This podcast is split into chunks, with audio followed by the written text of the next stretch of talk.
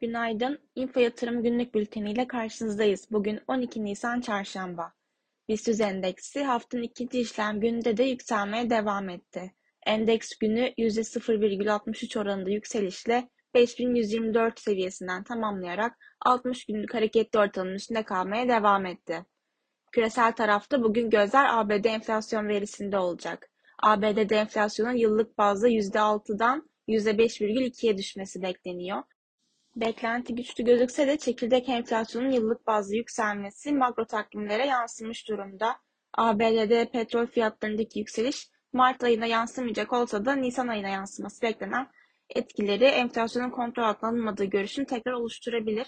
Diğer taraftan istihdamdaki güçlü seyrin etkisi de iç talep kaynaklı olarak enflasyonu baskılasa da ABD'de riskli varlıklardan çıkışların hızlandığını görebiliriz.